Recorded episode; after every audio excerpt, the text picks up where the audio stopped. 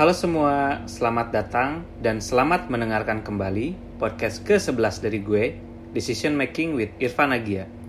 Tujuan dari podcast ini adalah untuk membantu audiens atau teman-teman yang dengar buat lebih paham dan juga lebih bijak dalam mengambil keputusan-keputusan dalam hidupnya.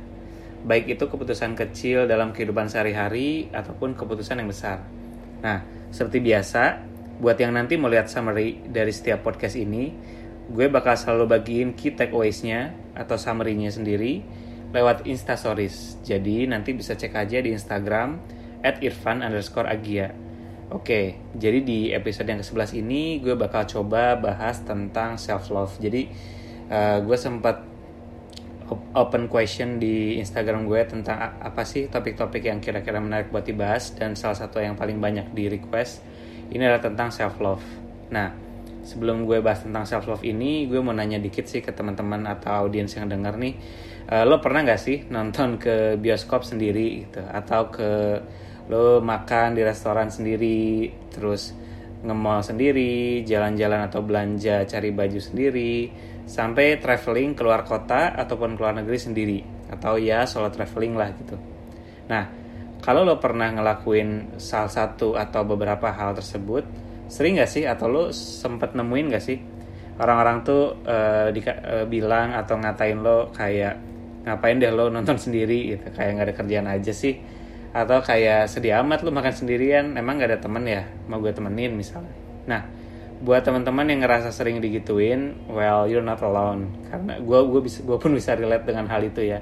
Karena gue termasuk orang yang terbiasa melakukan hal kegiatan tersebut. Jadi kayak nonton bioskop sendiri terus makan sendiri sampai solo traveling juga sendiri nah it's a very normal thing to do I think nah gue ngelakuin itu sebenarnya macam-macam alasannya Salah satunya karena uh, I love spending time with myself. Myself. Jadi kalau misalnya contohnya nonton bioskop sendiri, nah gue dari dulu tuh sebenarnya sering nonton di uh, hari pertama film yang gue suka gitu. Jadi gue senang aja kalau gue bisa nonton film di hari pertama dia tuh muncul gitu. Nah ada kepuasan tersendiri sebenarnya buat gue ketika jadi salah satu dari beberapa orang yang bisa nonton pertama kali Nah, jadi uh, gue bisa share review gue tentang film itu ke orang-orang yang belum nonton karena well I like movies dan gue suka nge-review movies dan senang juga ngobrol atau discuss dengan orang-orang tentang film-film yang yang gue suka gitu. Nah, untuk itu uh, gue nggak bisa selalu rely sama orang lain buat nonton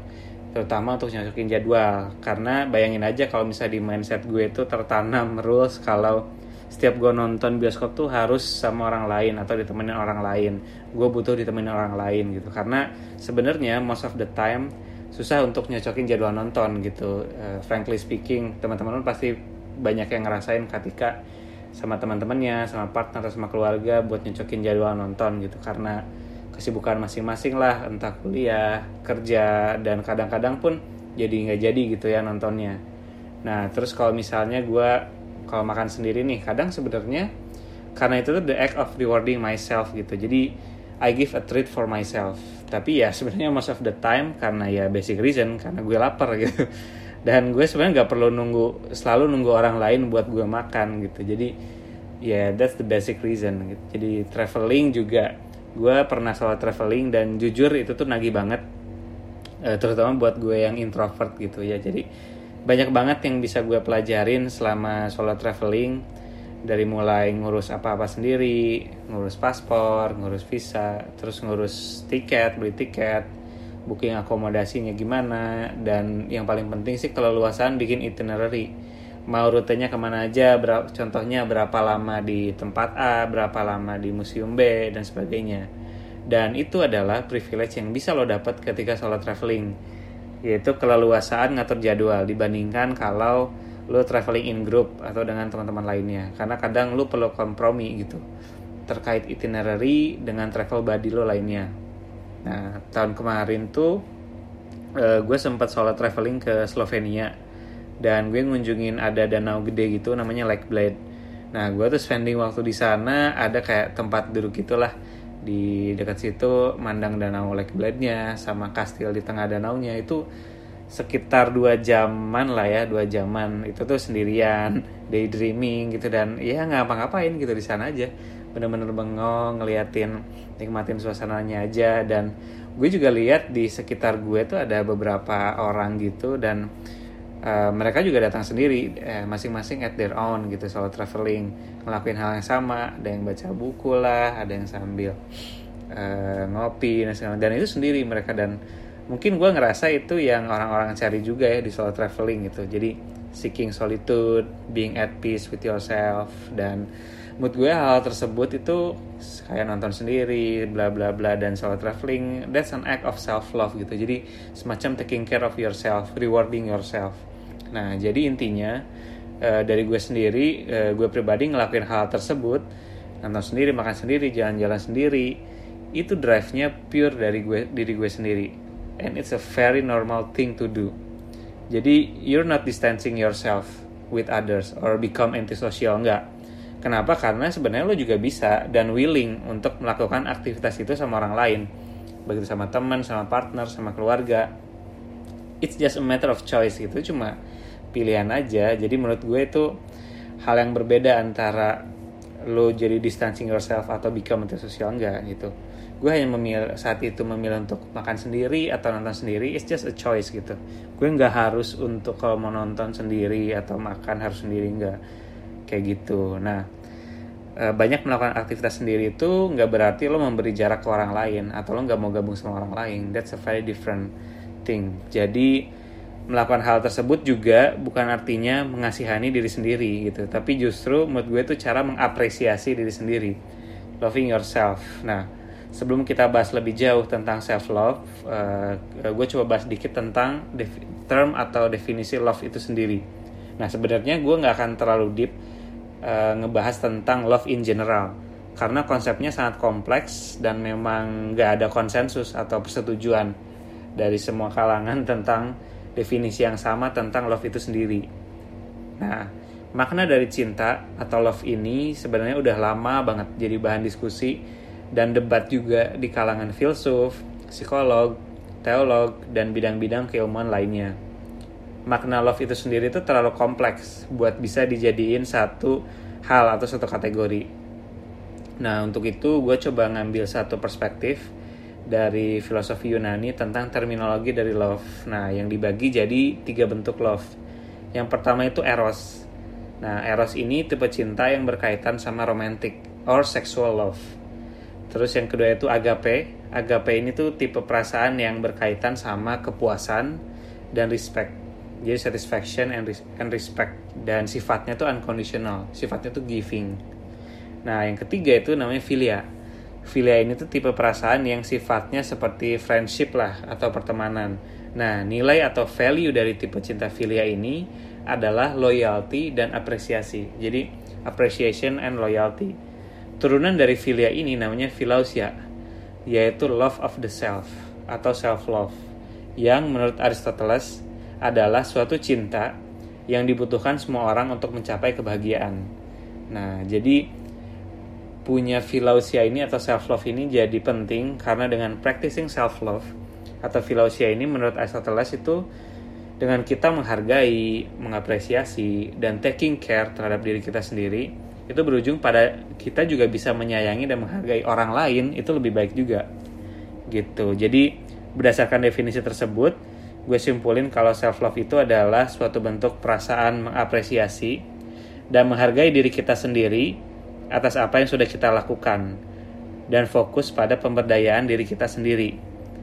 Nah, sekarang kenapa sih practicing self love itu jadi challenge atau jadi sulit kadang? Kalau dari perspektif psikologi perkembangan, salah satu alasan kenapa kebanyakan orang sulit buat punya self love atau practicing self love adalah karena semenjak kita kecil yang kita pelajarin atau pesan yang kita terima dari orang tua atau siapa pun caregiver kita baik secara implisit atau eksplisit adalah always put others first atau hargailah orang lain, sayangi orang lain gitu. Yang fokusnya itu adalah giving to others. Tentu sebenarnya nggak ada yang salah dengan itu. Namun menurut gue, exposure terhadap nilai-nilai menghargai diri sendiri, giving yourself a reward, gitu itu perlu dibalance juga gitu itu perlu mendapat exposure yang sama Karena kalau kita showing love and compassion to someone else, kita cenderung dihargain orang lain. Jadi impactnya tuh langsung kelihatan. Kita diberikan respect, itu mutual respect, dipuji, dan bentuk praise lainnya. Sedangkan doing the same toward ourselves didn't receive the same social reward gitu. Jadi nggak kita nggak mendapatkan reward yang serupa ketika kita practicing self love karena fokusnya itu pada diri kita sendiri. Dan kadang malah dijudge sama orang lah nggak punya temen lah, kasihan dan sebagainya. Karena kita nggak terbiasa melihat orang lain pun melakukan hal seperti itu. Jadi kayak belum umum untuk dilihat gitu. Nah, sekarang gue mau bahas juga biar lebih kebayang what is not a self love apa sih yang bukan jadi bagian dari self love? Nah, yang pertama, self love is not selfish in negative way gitu. Jadi self love itu nggak seselfish yang lo kira. Nah, menurut gue, ketika justru ketika setiap orang bisa menginternalisasi dan practicing self love, everybody wins. Semua orang tuh diuntungkan. Kenapa? Karena beberapa orang juga mungkin mengira kalau konsep dari self love itu sama dengan konsep narsisis yaitu seseorang yang hanya care terhadap gimana kebutuhan dan juga keinginannya itu bisa terpenuhi walaupun dengan cara membuat orang lain tuh suffer for it. Nah justru self love yang sesungguhnya itu gak akan membuat orang lain perlu suffering biar kebutuhan lo terpenuhi. Self love is self efficient gitu. Dengan lo bisa loving yourself, secara nggak langsung itu juga membantu lo dalam membuka diri untuk mencintai orang lain gitu. Nah yang kedua self love itu is not the same as perfectionism. Beberapa orang juga mengkritisi self love itu karena bisa leading dan membuat kita perfeksionis dan selalu menginginkan lebih gitu kayak kita nggak pernah cukup dengan dalih sebenarnya we are enough gitu. Just love yourself syukuri apa aja yang ada. Lo tuh nggak kurang sesuatu pun. Nothing wrong with us we are good enough. Oke okay, oke okay, yes of course you are enough. But are you going to stop there? Are you gitu? Karena kalau buat gue pribadi you can love yourself by improving yourself every day gitu. Jadi menurut gue self improvement itu adalah salah satu cara menghargai diri lo sendiri. Dengan memberikan drive atau dorongan yang lo butuhkan buat jadi orang yang lebih baik. Gitu. Nah yang ketiga self love juga bukan it's not about the positive vibes every day gitu. Karena self love juga bukan gimana lo bisa positif selalu positif tiap hari. Enggak. Karena honestly speaking gue nggak percaya tuh kalau ada orang yang bisa tiap hari nunjukin positive good vibes. Man it's not real gitu. Jadi who really loves themselves all day every day? Dan bisa ngelakuin affirmation depan cermin tiap pagi gitu. Dan karena I, I do not believe self love is black or white either you love yourself or you don't nggak karena menurut gue self love itu kayak spektrum gitu and there's a good chance it varies every day gitu jadi menurut gue just do the best with what you've got.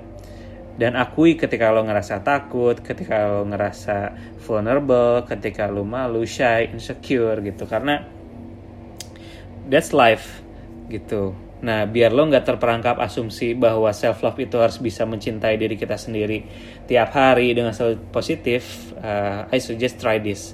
I love myself enough gitu. Jadi instead lo mencoba reach the self love bar yang gak pernah bisa lo dapat dengan 100% tuh lo selalu harus positif tiap hari gitu I love myself enough gitu. I love myself enough to give a shot to be vulnerable and to take one small brave step each day.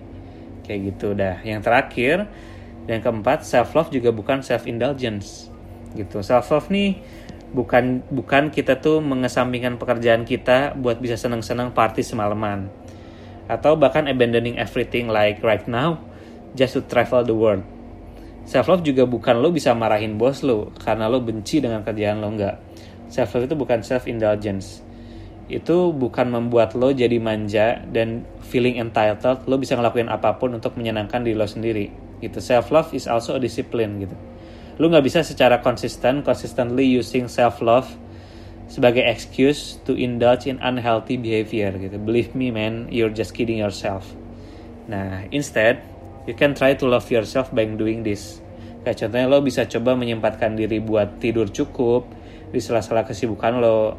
Lo rutin berolahraga, lo baca buku-buku atau artikel yang bisa bikin lo belajar hal-hal atau skill baru yang cool dan learn how to say no gitu. Jadi lo bisa belajar untuk nggak selalu menerima semua ajakan atau request yang gak sesuai dengan keinginan atau keadaan lo gitu oke okay, I think uh, it's the summary about self love semoga berguna buat teman-teman yang dengar pesan gue you are all good you are worth it dan pesan gue don't be too hard on yourself. Apresiasi setiap langkah kecil dan besar dalam hidup lo. Of course give yourself a treat and give yourself a break. Gitu dan practicing self love lo nggak akan selalu bergantung sama orang lain. Biar lo bahagia you can always find the happiness inside you. Gitu. Nah oke okay, untuk next episode gue bakal coba bahas tentang soulmate yaitu defining soulmate. Kayak apa sih soulmate itu? Apa sih pasangan hidup itu definisinya dan I think let's define it in the next episode oke okay, gue berharap ke depannya kita bisa up lagi di next episode kalau ada masukan atau ide topik apa lagi yang menarik buat dibahas bisa langsung mention gue aja di Instagram at irfan underscore agia Sampai jumpa di episode ke-12 Decision Making with Irfan Agia. See you in the next two weeks. Thank you guys for listening.